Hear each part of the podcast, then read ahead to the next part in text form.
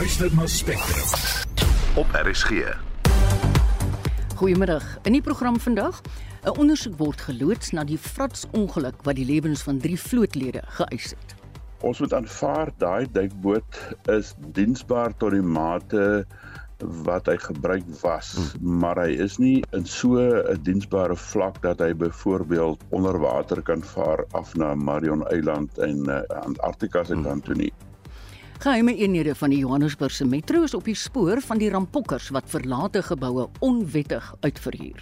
We've got dossiers which are coming up as well. You know, we've got undercover unit everywhere. So these thugs who are running here are going to zoom in into them very quickly. Die Reservebank besin vanmiddag oor rentekoerse. Baie welkom by Spectrum. Die span vandag is redakteur Hendrik Martin, produksieregisseur Daitrin Godfrey en ek is Marieta Kreer.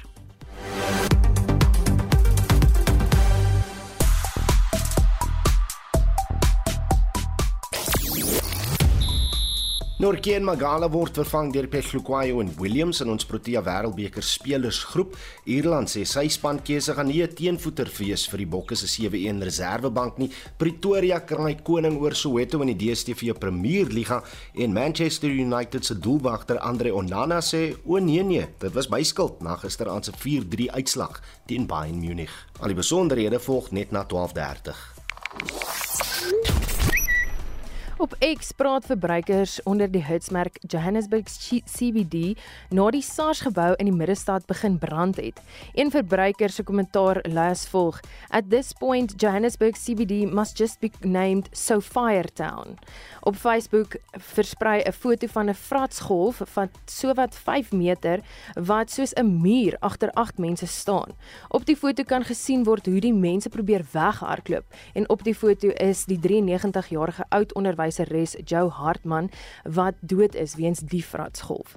En op Instagram lyk die nuwe ligter alternatief vir die Bolt diens Bajaja karretjies dalk baie oulik, maar beeldmateriaal word gedeel waar die voer, voertuie beskadig word. Media berig dat die groot aantal bestuurders gedreig en geïntimideer word.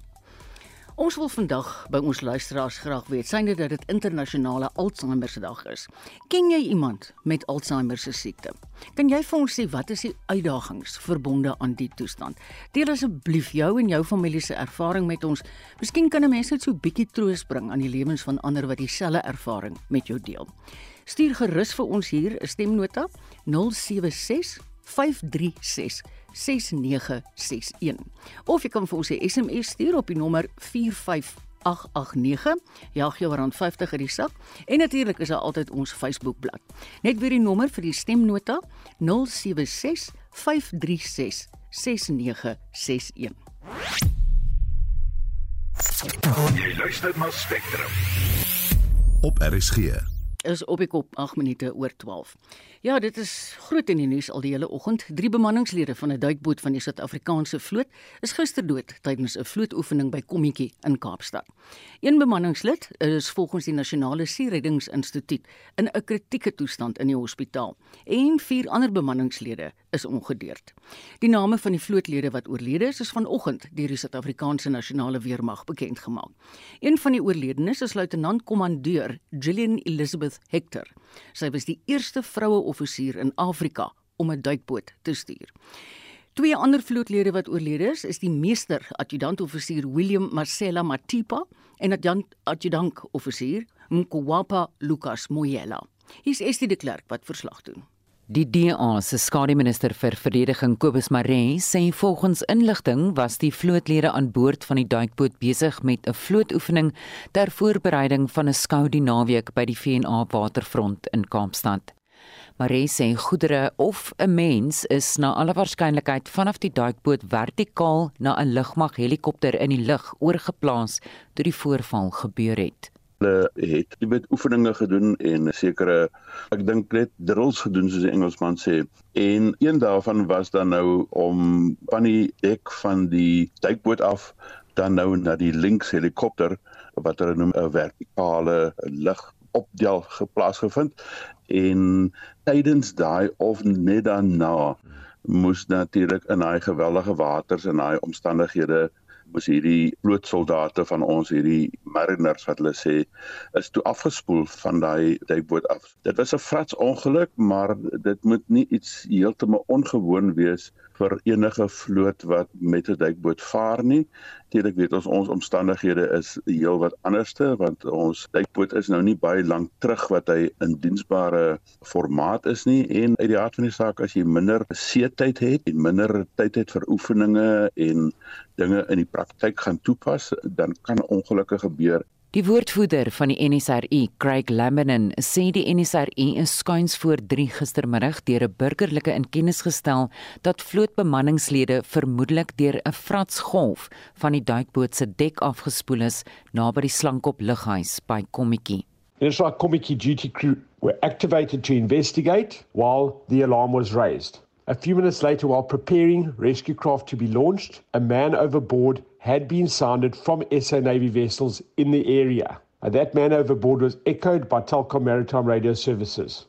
Verskeie stasies van die NSRI, die Suid-Afrikaanse vloot en weermag en ander owerhede het onmiddellik gereageer en begin met 'n reddingsoperasie in onstuimige see toestande met golwe tussen 2 en 3 meter hoog. It appears that during a Navy exercise involving a Navy submarine, Navy vessels, and helicopters, at least seven mariners had been swept off the bow of a submarine by waves. The South African Air Force 22 Squadron, an Oryx helicopter, Lynx helicopter, and the NSR's Airborne Sea Rescue, together with uh, Western Cape Government Health EMS rescue paramedics, were activated to respond. Three male casualties were rescued onto one NSR rescue craft, and four male casualties were rescued onto one NSR rescue craft. All seven are SA Navy mariners. Cardiopulmonary efforts were initiated on two of the men on the rescue craft. They were brought to shore, where CPR was continued on both men by paramedics, but sadly, despite extensive CPR efforts, both men were declared deceased. Een bemanningslid in 'n kritieke toestand is met 'n helikopter na 'n hospitaal gevlieg terwyl vier ander lig beseer is. It was then confirmed that one naval officer, a female, remained on board the submarine. An SA Air Force helicopter deployed NSI airborne sea rescue swimmers onto the vessel and EMS rescue paramedics, where the adult female was extricated from the vessel and CPR efforts were commenced. Sadly, despite extensive CPR efforts, the female officer was declared deceased. Marie sê daar is nie sprake dat die duikboot enige tegniese of meganiese probleme ondervind het nie. Ons moet aanvaar daai duikboot is diensbaar tot die mate wat hy gebruik was, hmm. maar hy is nie in so 'n diensbare vlak dat hy byvoorbeeld onder water kan vaar af na Marion Eiland en uh, Antarktika se hmm. kant toe nie. So hy word hoofsaaklik op redelik op te gebruik en in daai geval was daar geen aanduidings dat hy het een of ander tegniese probleme gehad nie. So dit was bloot blyklik oefening wat gedoen was en ek dink dit was waarskynlik 'n ideale geleentheid vir hulle want daar sou seker oor die naweek waarskynlik vrae gewees het hmm. oor dit en wat hulle kon meegedeel het of gedeel het met die toeskouers wat dan nou sou kom kyk onder andere die duikboot wat daar by die hawe sal lê. Die voorval word deur die Suid-Afrikaanse vloot en marine owerhede ondersoek. Ek is Estie de Klerk vir SAK nuus. Baie ernstige onderwerp en ons bly daarby. Ons praat nou met professor François Vrey van die Universiteit Stellenbosch se Instituut vir Regeringskunde en Leierskap. Goeiemôre François. Middag Marieta en ook aan jou middagluisteraars. Jy weet ek wil wegval deur vir jou te vra Franswa, 'n vlootoefening tydens onstuimige see toestande, is dit ideaal? Marieta, jy weet in weermagte en in die Suid-Afrikaanse weermag, is daar 'n gesegde wat sê you fight as you train. Die tweede ding wat ons hier in gedagte moet hou, is dat ons praat van die duikboottak van die vloot wat nog altyd vir hulle hoë standaarde van professionalisme en veiligheid bekend is. Mm. Ek wil ook sover gaan om te sê in die seker omtrent die half eeu plus wat die vloot duikbote bedryf is hierdie die eer, eerste insident van hierdie aard waarvan ek weet. Dat die duikboottak uh, saam met die duikers byvoorbeeld stel 'n geweldige hoë premie op veiligheid, uh, bevoegdheid en professionalisme. En dan wil ek die opmerking maak, uh, ons wat hier waar ek werk baie kyk na die maritieme omgewing, die literatuur en die navorsing. Uh een van die eerste uh aspekte wat in jou literatuur voorkom is die see as 'n omgewing waarbinne vlote moet werk. Die gevare, die onvoorspelbaarheid en die feit dat jy moet die see verstaan en jy moet weet jy werk in 'n baie gevaarlike omgewing. En alhoewel dit in die teoretiese uh, wêreld is, sien ons hier oor hoe vinnig daai omstandighede kan verander.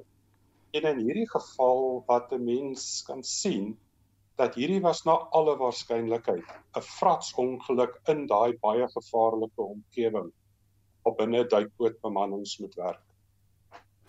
Maar jy weet 'n mens, jy het dit nou self gesê, mens moet 'n gedagte hou, dis die eerste voorval van sy soort.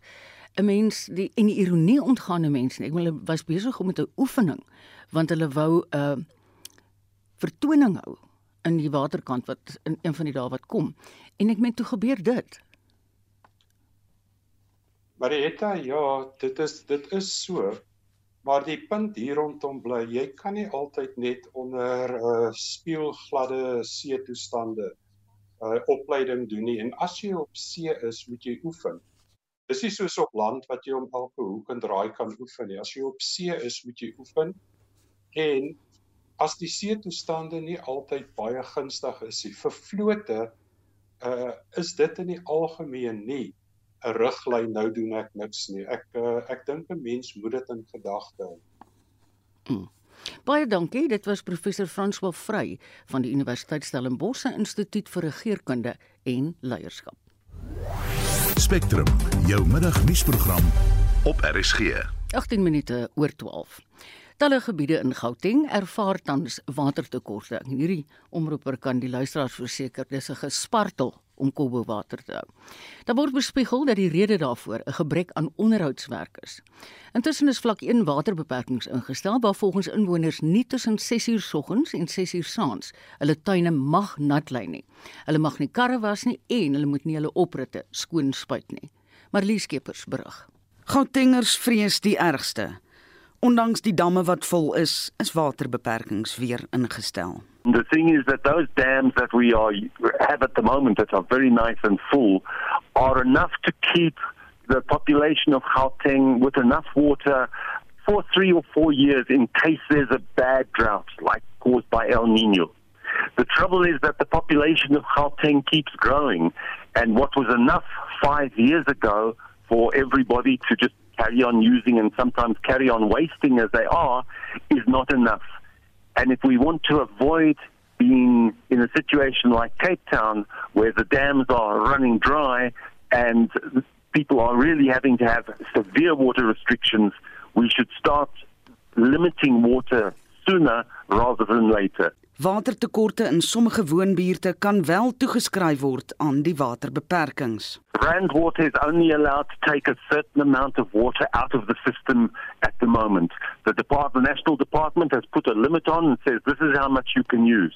So they take that water and they distribute it to the municipalities and the municipalities put it into their different reservoirs.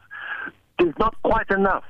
And the trouble is that if you're in a high-lying area, you're the one who doesn't get the water. Everyone else is getting water, but you're left without enough water. And this is the difference between electricity, where you can do load shedding, you switch off the switch, and the whole suburb goes dark instantly. With water, if you close the tap, it will carry on running to the lower places. It won't run to the higher places. They'll run out quickly. And now you have a problem because you're trying to limit the amount of water but it hits some people more than others. Daar word gegis dat 'n gebrek aan onderhoudswerk die eintlike probleem is. There's lots of problems in municipal water management and what matters most is that the municipalities should all know how much water they're getting, where it goes to. They need to make sure that the people who should be paying are that their uh, meters are being read, that they're being billed, and that they pay for that water. And if they find, and they will find, that a lot of water isn't going through meters of consumers who are registered, they've got to find out where it's going. Talle huiseienaars installeer nou watertanks. that might help. But if there's a real water shortage, uh, you know, if we have a Cape Town situation, you have to ask the question: How's that tank going to be filled once it's used? And tanks are nice to have when there's a day or two or maybe even a week of uh, problems, but they don't solve the long-term problem. Maar is daar 'n oplossing? Look, the solution is that we do in Gauteng use quite a lot more water than we need to. You know, one of the reasons Cape Town got into trouble is they said if we just make everyone use water efficiently, then we won't need to build new infrastructure. Actually, they were wrong because they did get people to use water more efficiently, and then there was a drought. And then when they said to people, can you please save more, they found that they had to really cut people back. So we're not in that situation. I don't think we should say that we're lucky, but the fact is we are lucky in Gauteng. There's quite a lot of wasteful water use. There's a lot of gardening. If you drive around Gauteng, you'll see people watering gardens in the middle of the day. They're told that the restrictions say they mustn't do that. No one's enforcing those restrictions. You can save a lot of water by not watering in the day. You can save water by not washing cars with a hose pipe. All sorts of things can be done, but what we're not seeing is municipalities and Rand Water and the national department all working together to now say to people, hey, this is now serious. We better start saving now. Otherwise, we could become like Cape Town. Dit was professor Mike Miller, 'n waterkenner en verbonde aan die Wit Skool vir Regeringskunde. En ek is Marlie Skeepers vir SAK nuus. Heeltemal 'n ander storie nou. Naas Eskom se 480 miljard rand is die padongelukfonds die tweede hoogste finansiële uitgawe van 300 miljard rand vir Suid-Afrikaners en die staatskas. Die fonds word deur 'n belasting op diesel of petrol gefinansier waar motoriste outomaties bydra tot 'n statutêre voorgeskrewe heffing. Die fonds word nou hof toe gesleep oor nuwe reëls wat vereis dat buitelandse bewys moet buitelanders bewys moet lewer dat hulle wel wettig in die land was toe hulle in hierdie ongelukke betrokke was alvorens hulle 'n eis kan indien. Ons praat nou hieroor met Andrea van Heerden van Outa. Goeiemôre Andrea.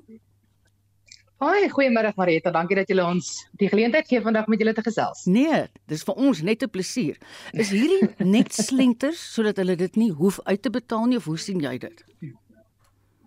Wel Marita, ek dink ons moet by die begin begin. Ehm um, ek is seker daarvan dat baie mense is bewus van hierdie uh omslymige wysigingswet wat nou onlangs gepubliseer is vir, vir, vir publieke insaag.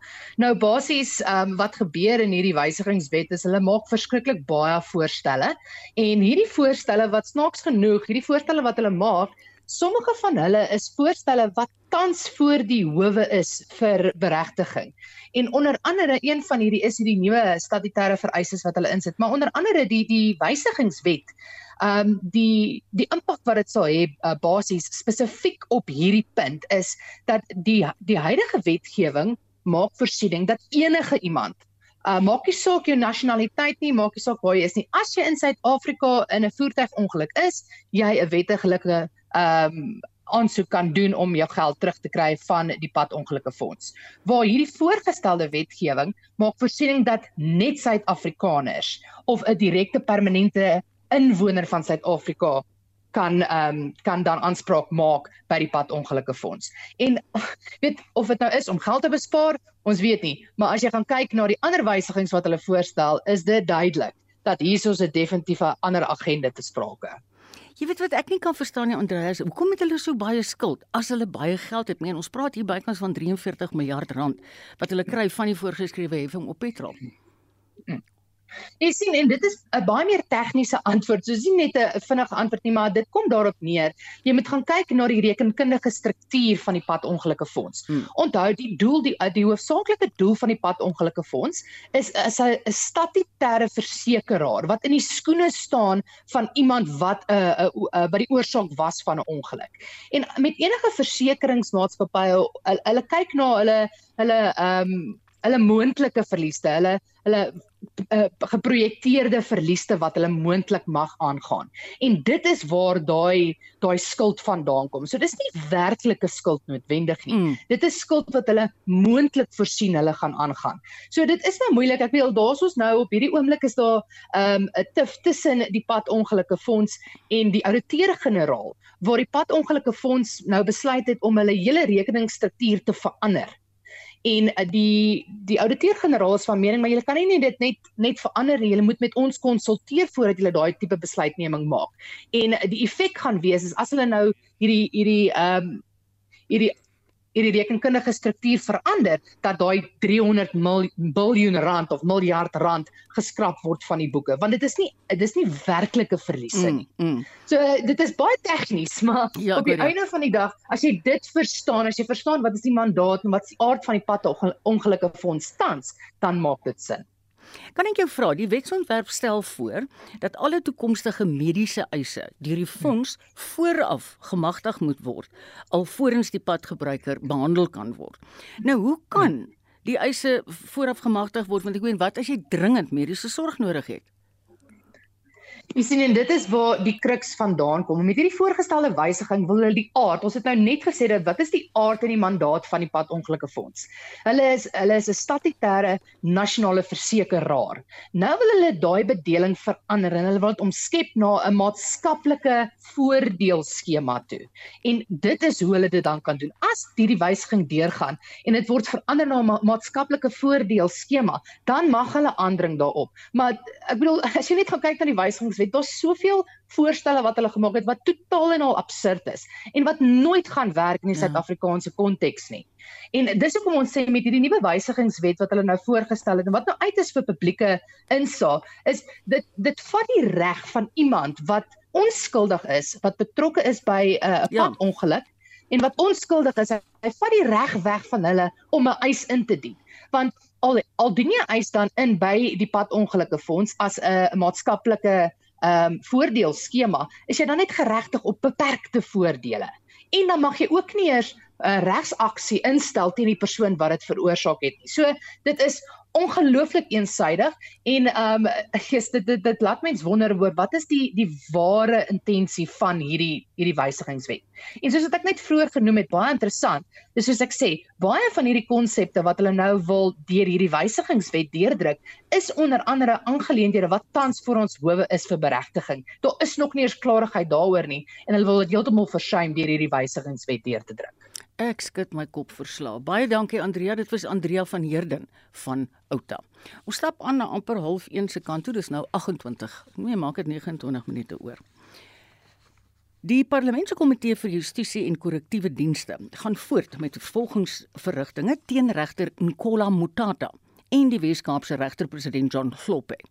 Albei regters is deur die geregtelike gedragstribunaal skuldig bevind aan grouwe wangedrag.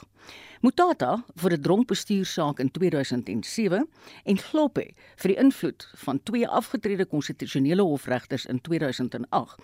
In die aangeleentheid waarby oud-president Jacob Zuma en die Franse wapenvervaardiger Thales betrokke was. Celine Merrington berig. Dis die eerste keer in demokratiese Suid-Afrika dat 'n regter deur 'n proses van 'n staat van beskuldiging verwyder sal word.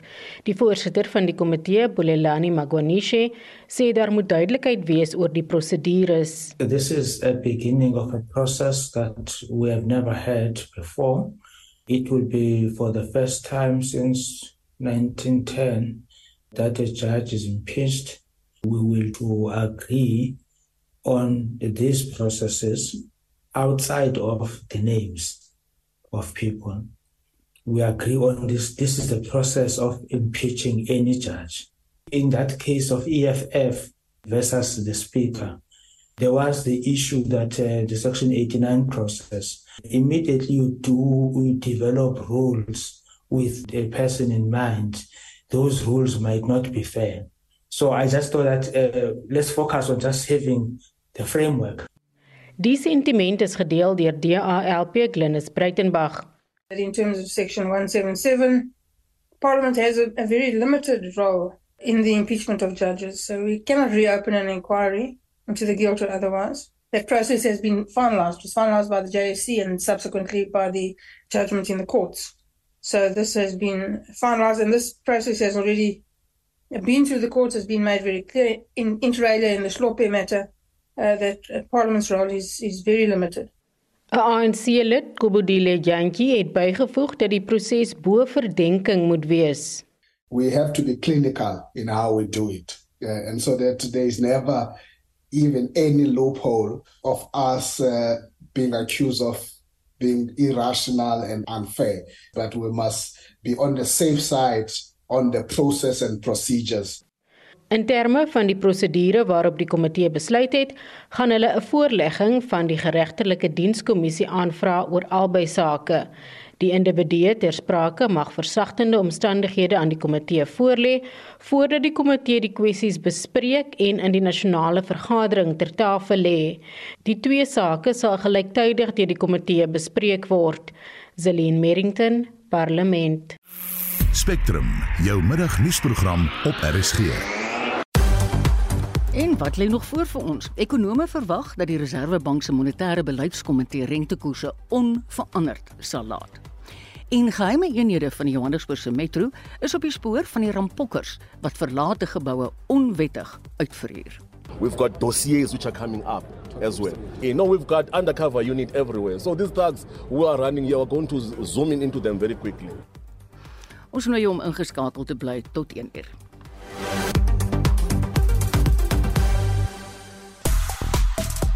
Ons het vroeër gevra mense moet vir ons laat weet as hulle familielid het wat aan Alzheimer of demensie of so iets ly en uh, dis hartseer om dit terugvoer te sien maar dankie dat julle dit met ons deel want dan help ons ander wat in 'n soortgelyke posisie is. Iemand sê hier my ma is 72 sê demensie. Nou elke dag hou sy eie uitdagings in. Nie een dag is dieselfde nie. Ek het onlangs 'n video van haar gesien wat in 2021 geneem is en dis ongelooflik om te sien hoe vinnig mense met hierdie siekte agteruit gaan. En dan het ons ook 'n stemnota gekry van Christa Potgieter. Hallo julle, hoorie so, ek het 25 jaar met bejaardes gewerk waar daar Alzheimer mense ook was. Dit is baie moeilik vir die familie.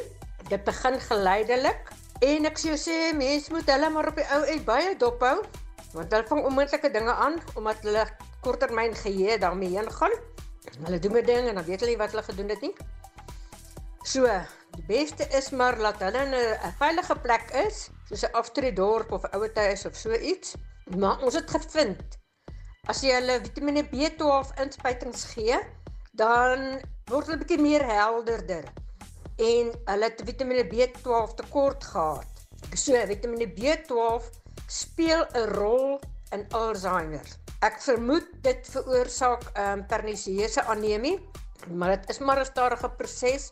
By party gaan dit wel vinnig, maar ek sê sê dit dit is dis regtig hartseer want ek het families gesien wat tot op die einde saam met hulle ouers of mense gesuffer het en ehm um, nee ek sê sê hulle hulle moet eerder die oorsaak uitvind en dit behandel Dis 'n baie interessante bydrae hierdie want hierdie kom nou van iemand af wat werklik daarmee gewerk het. Baie dankie vir jou moeite om dit vir ons te stuur. Ons kollega Udo Karelse sluit nou by ons aan en ons begin vanmiddag met cricketnuus. Want eers vanoggend 8uur is hierdie nuus deur die Proteas bevestig en ek het 'n vermoede dis slegte nuus ten opsigte van die Wêreldbeker, né Udo? Ja, dit is Mariette. Goeiemiddag. Ons het gister al verneem dat Andreg Nortje en Susanna Magala as gevolg van beserings nie wêreldbeker toe gaan nie. Met ander woorde, die Proteas en dis nou die slegte nuus is nou sy twee vinnigste bowlers kwyt. Hmm. Vanoggend net na 8uur het die afrigter Rob Walter laat weet dat hulle nou vervang sal word deur die veelsidige speler Andile Pechluquayo wat Magala vervang terwyl die naadbal bowler Lizard Williams die plek van Nortje sal oorneem. Die span vertrek Saterdag na Indië. Hulle eerste opwarmingswedstryd wedstryd vind volgende Vrydag plaas. Dis nou teen Afghanistan en al heel eerste wêreldbeker kragmeting is teen Sri Lanka op Saterdag die 7de Oktober en ek herinner net weer eens dat SABC Sport wel 'n aanbod gemaak het aan Supersport vir die regte om die Proteas wedstryde tydens die toernooi uit te saai. 'n Besluit daaroor is nog nie gekommunikeer nie. Odo na na sokkernuus as ons nou kan weggaan van cricket af waar uh, Pretoria vanoggend koning gekraai het oor Soweto. Absoluut, dis korrek. Mamelodi Sundowns het gisteraand 1-0 gewen teen Orlando Pirates wat hulle in eerste plek op die punte leer hou. Dis nou volle 7 punte bo Golden Arrows in tweede plek terwyl SuperSport United die derde posisie beklee na sy 1-0 oorwinning oor Kaizer Chiefs. Dit was ook uh, doelloos tussen Cape Town City en TS Galaxy terwyl uh, Sekhukhune United vyfde plek beklee danksy 'n uh, 1-0 oorwinning teen Royal AM. Onthou ook Banyana Banyana speel môreoggend. Dis nou 1:30 in die oggend teen die FSA in die eerste van twee wedstryde op hul vriendskaplike toer. Ja, vir hulle het ek baie moed. Ek moet jou sê vir die ander weet ek nie. in Europa het Bayern Munich 4-3 klaar gespeel met Manchester United in die Kampioenligga. Maar die doelwagter van United is oorstelp met 'n gevoel van verantwoordelikheid. Hy kan vaar hy wil homself skop. Absoluut. Ja, kom ons kom ons stel dit so. Voorgisteraand was die ondersteuners van United klaar nie heeltemal oortuig van Andre Onana se vaardighede tussen die palle nie. Jy kan maar jou produksieregisseur Daitron Godfrey ook daaroor vra. Vanoggend nog minder so.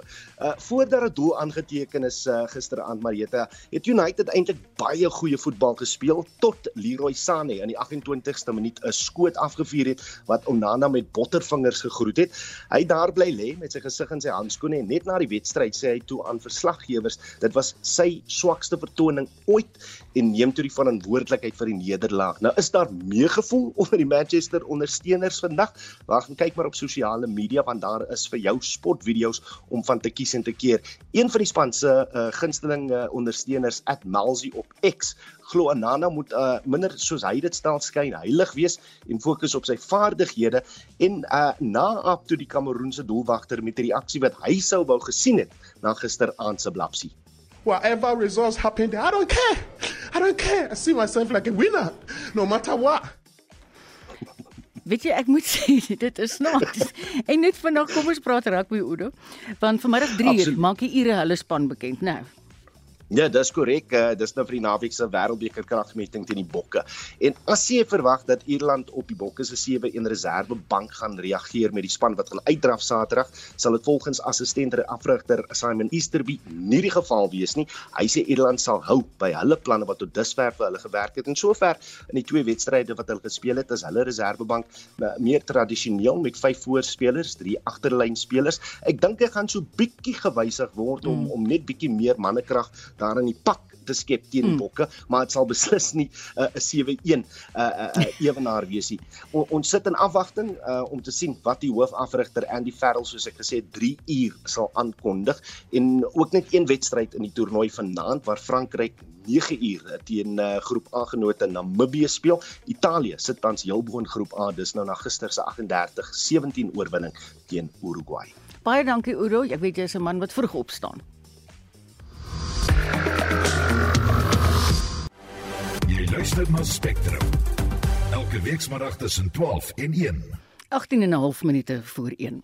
Ons stoke inwoners in Swellendam in die Oeverbergstreek het gister nog 'n munisipale gebou en brandweerwa aan die brand gesteek uit protes teen die skerp verhogings in munisipale tariewe.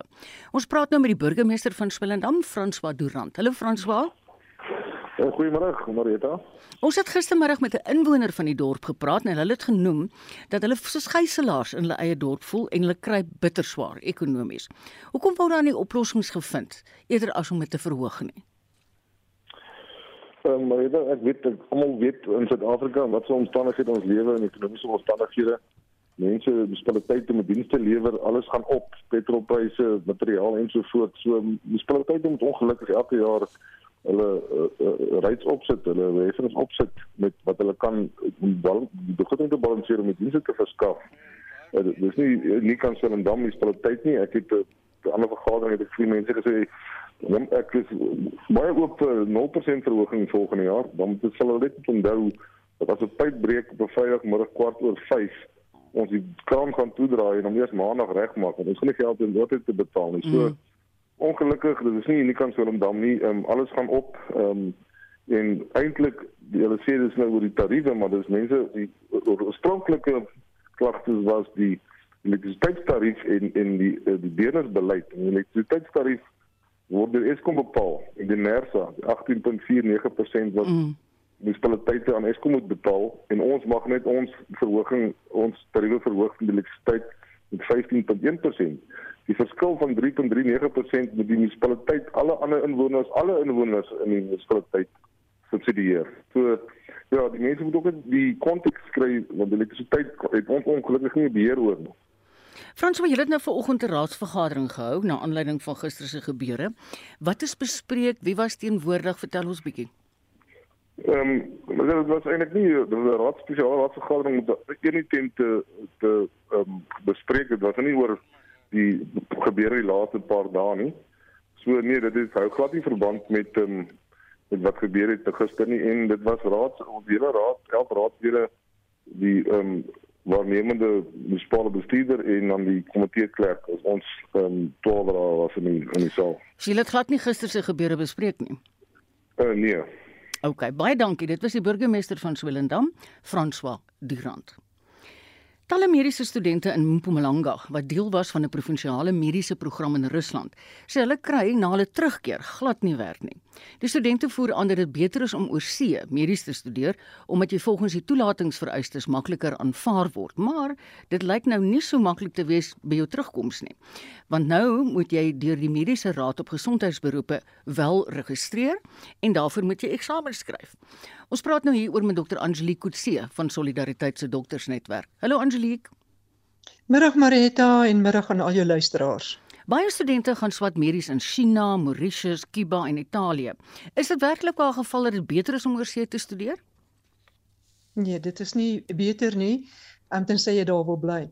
As jy wil terugkom na Suid-Afrika toe en dit is my raad aan al hierdie jong mense wat um, wil oorsee gaan studeer, voor jy gaan doen jou huiswerk gaan op die Raad op Gesondheidsberoepe se webblad gaan maak seker dat die universiteit waar jy wil gaan studeer alreeds geverifieer en geregistreer is as 'n uh um as 'n as 'n erkende universiteit deur die raad. As de, as jy dit reg kry en jy in jy in daai spesifieke universiteit ingaan wat reeds goedgekeur is, dan is jou kop um, deur as jy dan wil terugkom in Suid-Afrika en jy kan dan waarskynlik net registreer as 'n mediese dokter, maar daar is 'n proses en ek dink ons moet dit net vinnig vir die mense verduidelik. Ja, seker. As jy as jy gestudeer het en ehm um, en jy jy weet nou nie of jou universiteit jy het nie jou huiswerk vir die tyd gedoen nie. Ehm um, en jy weet nie of jou universiteit deur die raad aanvaar gaan word nie. Gaan jy die volgende moet onthou dat jou MBCLB is 'n kwalifikasie dit gee jou nie die reg om in Suid-Afrika te praktiseer nie. Dan in, die, ons het die die die um Council of Higher Education, hulle is verantwoordelik vir die kurrikulum. Die die, die raad um op gesondheidsberoepe kyk of die kurrikulum toepaslik is en of jy kan gelisensieerd word. As hulle dan besluit dat hierdie kurrikulum is reg vir die Suid-Afrikaanse uh uh um bevolking en jy het ook daar 'n internskap gedoen. Hierdie is ongelooflik belangrik. Dan ehm um, en hy's geregistreer in Suid-Afrika, dan kan jy eintlik net direk aansoek doen nadat jy eers deur die Education Commission for Foreign Medical Graduates, hulle noem dit die ECFMG wat in Amerika is, ehm um, aansoek gedoen het. Hulle verifieer dat jy wel is wie jy is en dat daai universiteit wel bestaan. As hulle dan vir jou die groen lig gee, dan gaan jy nou in Suid-Afrika ehm um, aansoek doen vir 'n registrasie. Ehm um, en as jy as as jy dan een van die universiteite is wat wel goedgekeur is, dan kan jy waarskynlik net registreer. Maar en hier is die groot ding. Mm. Hierdie meeste van die studente doen nie hulle huiswerk nie en dit maak nie saak of die departement of die provinsie jou gestuur het oor see of nie. As jy nie jou huiswerk gedoen het nie, en jy klaar by die ECFMG aansoek gedoen. Hulle sê jy's reg, dan kom jy nou nou na Suid-Afrika toe, jy wil nou registreer. Dan gaan jy Suid-Afrika na daai kurrikulum van daai universiteit kyk. As hulle sê daai kurrikulum van daai universiteit is nie korrek nie en jy het nie in daai tyd internskap gedoen, moet jy nie eers verder probeer nie, want hulle het nie plek vir internskap in Suid-Afrika nie. So jy jy jy, jy moet eers jy moet gaan hmm. aan in daai land waar jy geregistreer is, werk daar as 'n algemene as 'n algemene praktisyn. As jy wel ehm um, kan deurkom, dan gaan jy eers 'n eksamen skryf. 'n raadseksamen skryf. Dan gaan jy 'n teorie doen. jy jy die eksamen in die ou tyd was die eksamen jy het hom een keer geskryf en as jy hom deurgekom het dan kan jy deurgaan na die uh, twee praktiese wat uh, uh, uh, kere wat jy kon prakties doen as jy al twee kere ge, uh, nie geslaag het nie dan gaan jy vir 'n jaar 'n um, afkoel periode en dan kom jy terug en dan traai jy maar weer. Mm. Maar nou by die nuwe goed wat ons nou het kan jy eintlik net soveel keer jy kan die prakties 100 keer um pluk en dan kan jy hom 100 keer gaan oordoen mits jy 'n uh, 'n plek kry, jy weet um om geregistreer te kry deur die raad om daai um praktiese eksamen weer te gaan doen. So hierdie is in 'n neete dop want ek weet ons hardloop teen tyd. Mm, mm, mm. Wat moet gebeur as jy in Suid-Afrika wil terugkom om te registreer? Ek verstaan. So, maar dis 'n so belangrike die, ding wat jy nou gesê het Angelique. Die studente moet voor die tyd hulle huiswerk doen dat hulle nie na die tyd met 'n tamaletjie ja. sit nie. Baie baie dankie. Dit was dokter Angelique Kotse van Solidariteit se doktersnetwerk. Spectrum, jou middagnuusprogram op RSG. Die Reserwebank se monetêre beleidskomitee maak later vandag bekend of die rentekoerse gaan verhoog of onveranderd gaan bly. En om nou met ons daaroor te gesels is die ekonomiese raadgewer van die Optimum Groep, Dr. Rolof Botha op die lyn. Hallo Rolof. Goeiemiddag. Wat dink jy gaan gebeur? Ek dink dat eh uh, die rentekoerse gaan seker nou maar dieselfde bly, maar daar is 'n buitekans dat hulle nou al kan begin verlaag. Hallo Rolof, is jy nog daar? Yes. Well, uh, ja, sien net weer die laaste sin. Jy het 'n bietjie weggeraak. Sien net weer jou laaste sin blief. Ehm um, dit uh, meeste ontleeders en ek sê daarmee saam is is van mening dat die rentekoerse dieselfde sal bly, mm. maar ek glo dat daar 'n buitekans is dat rentekoerse wel nou kan verlaag word. Regtig? Ja, uh, as ons gaan kyk na die inflasie syfer wat nou ingekom het op 4.8 verlede maand 4.7, dit is bitter naby aan die uh, middel van die teikenvlak van die Reservebank. Daardie teikenvlak uh, as die luisteraars dit nie bewus is al van die 3 tot 6% mm. en dit is uh, nie in sement gegiet nie. 'n Mens kan dit aanpas uh, na gelang van die omstandighede. In ons omstandighede in Suid-Afrika sê vir mense dat ons ekonomie ons ekonomie laat groei so gou as moontlik en ons moet soveel werk as moontlik skep. Uh as die Reservebank dit ter harte neem, dan sal hulle rentekoerse nou begin verlaag want die produksieprysindex oh. wat 'n uh, vroeë aanwyser is mm. vir die verbruikersprysindeks, hy is net bo kan 3%. Hy het geval soos 'n klip. Wat beteken dat inflasie gaan verder sak. Hy het lankal verlede jaar in Julie maand 'n mm. boonste draaipunt bereik en ek ek weet nie hoekom hulle nie uh, reeds rentekoerse begin verlaag het nie. Is jy nog daar, Rolof? Ja, die WhatsApp lyn lyk my werk nie lekker vandag nie. uh, ek Dit beteken as die ander ene maar bietjie beter. Hoorie, so, uh, ek moet jou sê jy het 'n baie interessante uh, siening en ek dink nogal luisteraars gaan baie bly wees om dit te hoor. Kom ons hou duim vas en sien wat 3 uur gebeur. Baie dankie vir jou bydrae. Hoor, dit was die ekonomiese raadgewer van die Optimum Groep, Dr. Rolof Botha. Ek sê ook vandag vir ons die nuus stories dop. En ons begin met die vlootlede wat gister tydens 'n vlootoefening naby Kommetjie in die Wes-Kaap dood is. Hi Estie. Hi Marita en soos wat ons vroeër in Spectrum genoem het, is die name van die vlootlede wat oorlede is vanoggend deur die Suid-Afrikaanse Nasionale Weermag bekend gemaak en een van die oorlewendes, 'n uh, oorle oorledenis eerder is luitenant-kommandeur Gillian Elizabeth Heck Hector en sy was die eerste vroue offisier in Afrika om 'n duikboot te stuur. Die twee ander vlootlede wat oorlede is, is die meester adjutant-offisier William Masela Matipa en adjutant-offisier Momokwapa Lucas Mojela. Nou die voorval waarin vlootlede deur 'n fratsgolf van die dek van 'n duikboot afgespoel is, word deur die vloot en marine owerhede ondersoek. In Belito in die noordelike voorstede van Durban is twee verdagtes wat verbind word met die rooftog by die winkelsentrum in Richards Bay vroeër die week dood tydens 'n skietery met die polisie by 'n landgoed. Die polisie het tydens die voorval beslag gelê op 6 vuurwapens en sowat 1000 rondes ammunisie. Hier is die woordvoerder van die polisie in KwaZulu-Natal, Robert Ntsendiandu.